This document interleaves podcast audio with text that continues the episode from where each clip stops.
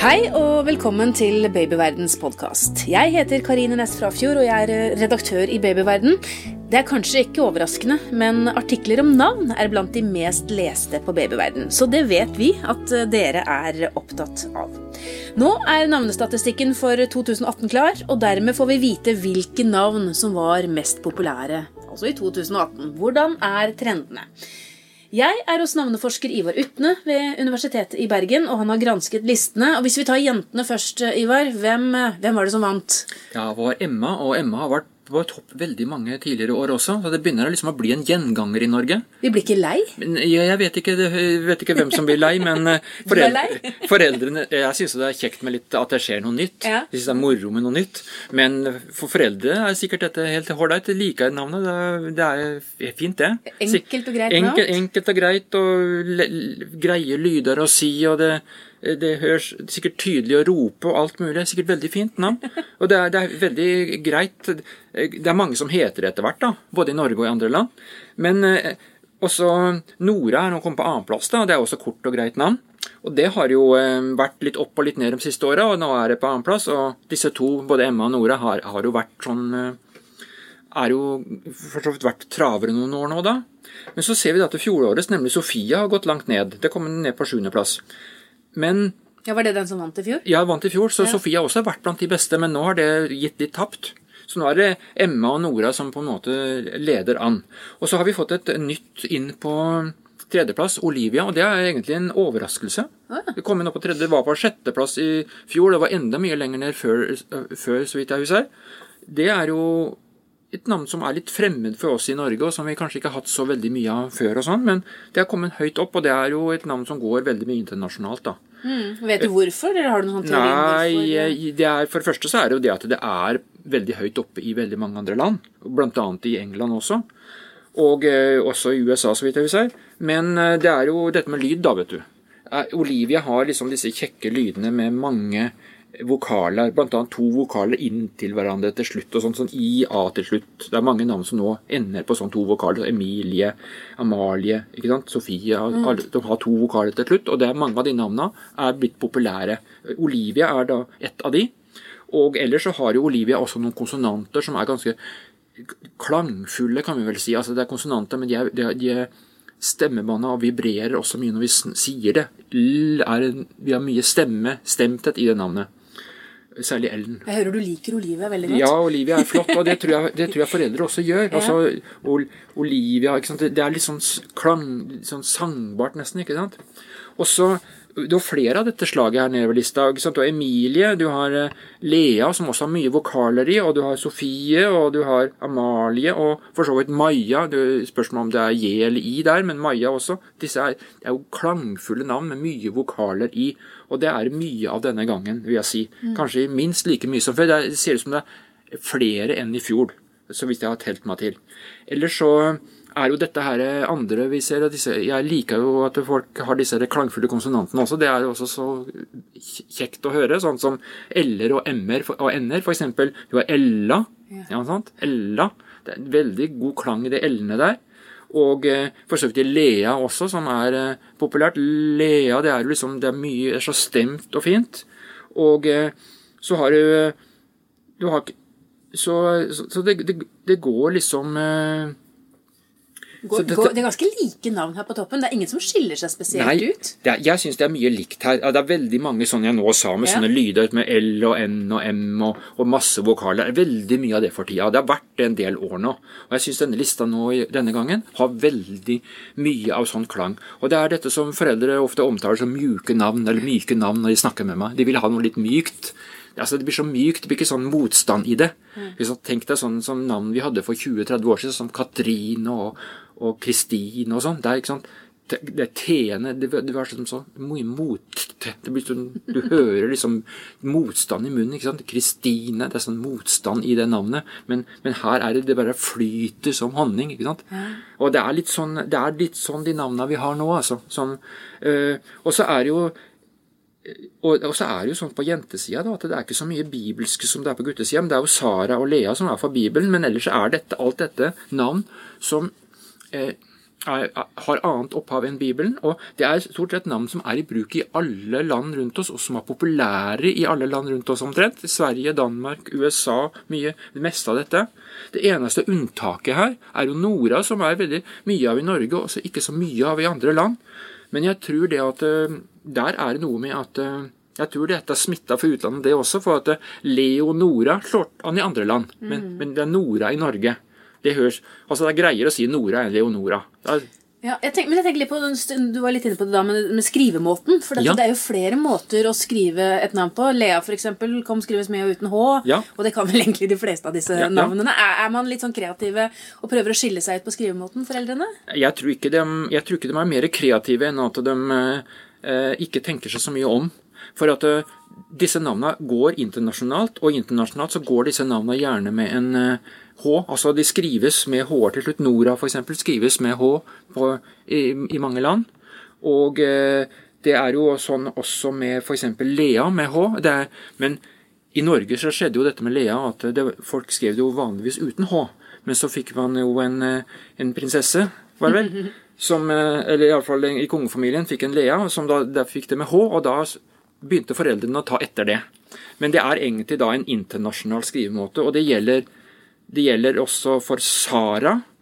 Og eh, i alle fall blant de navnene som har parti på topp her. Mm. Hvis du ser litt lenger ned på lista di, eh, er det noen navn som, eh, som er på lista i det hele tatt, som, som eh, overrasker deg? Jeg vet at Ada f.eks. kommer liksom opp som et skudd. Ja, det, det er vel det, er, det, har jo gått opp for 33.-plass eh, for 2017 og opp til 13.-plass nå for 2018. Mm. Altså det, det, er et stort hopp, og det, det, er mange flere som har fått navnet.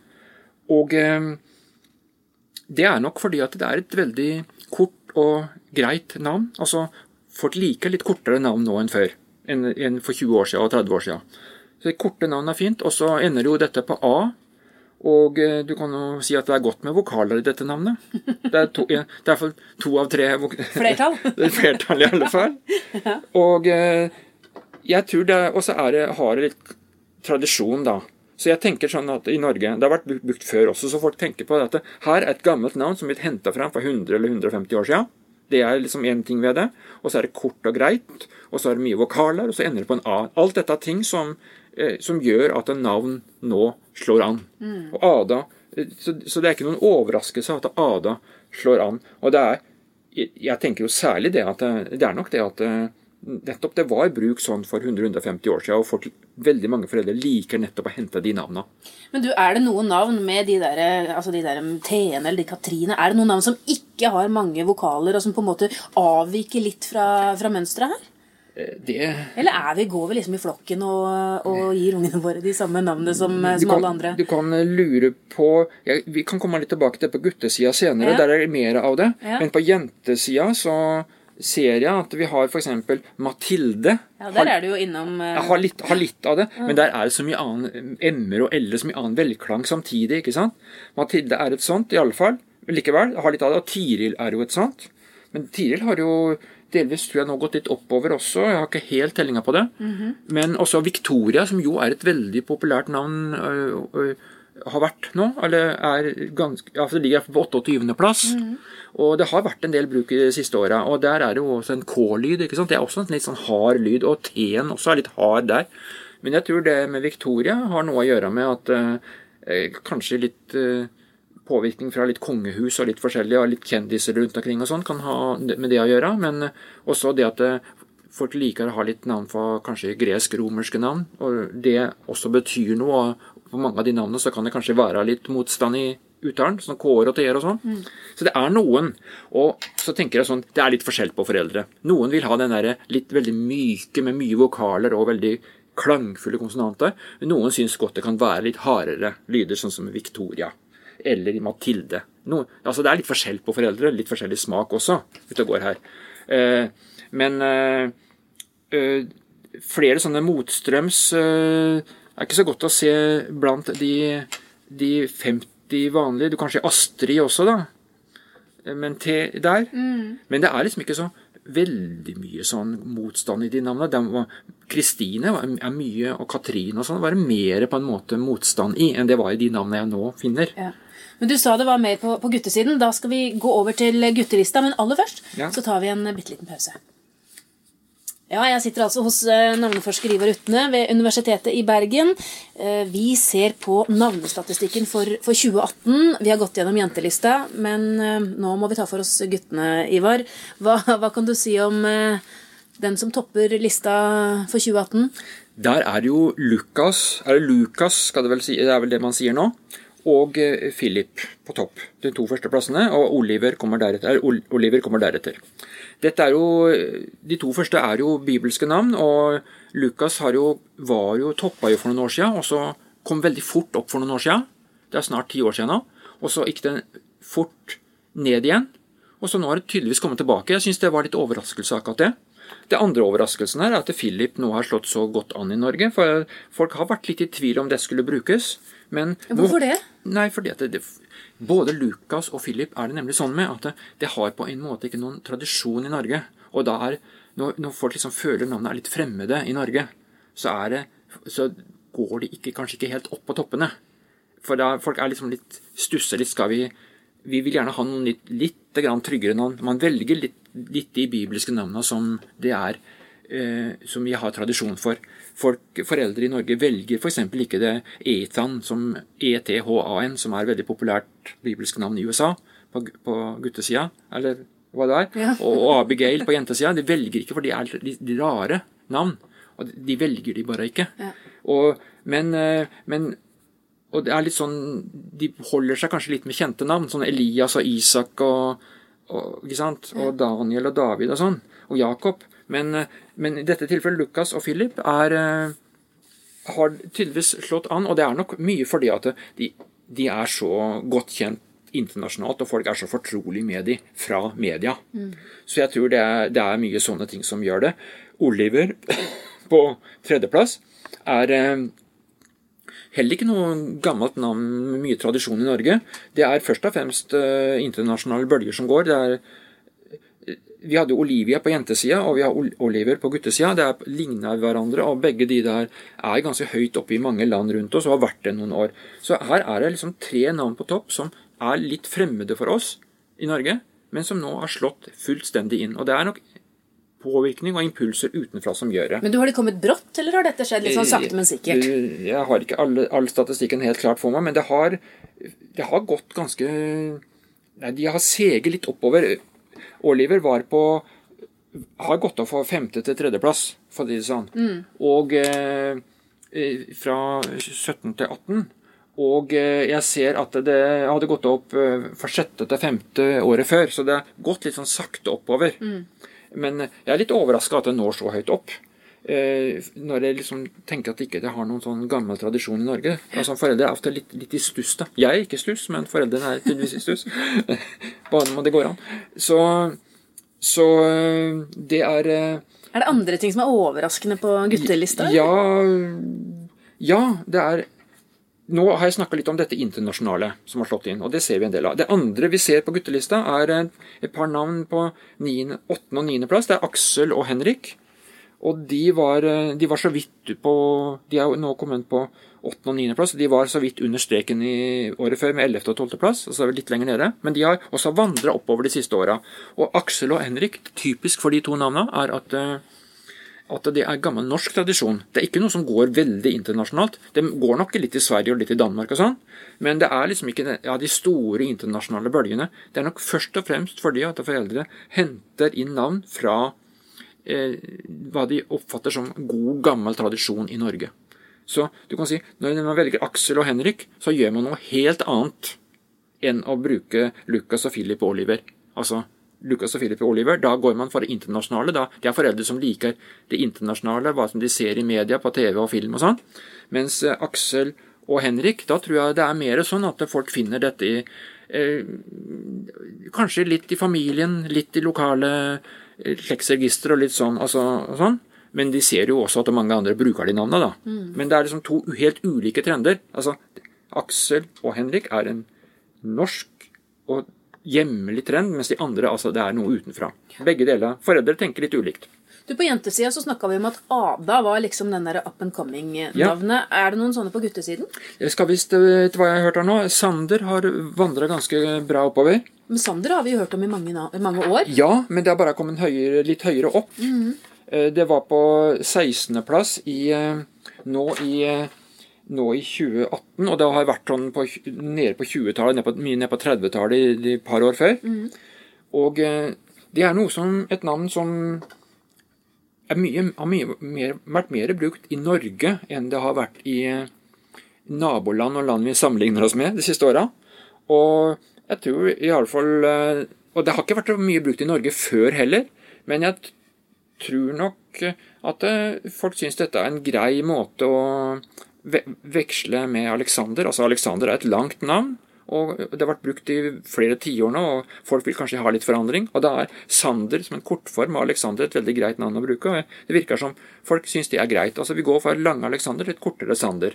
Og eh, jeg tror nok Samtidig så er jo Sander også litt kjent i Norge før, og det kan hende at det er folk som har hett Alexander fullt ut, også har blitt kalt bare Sander.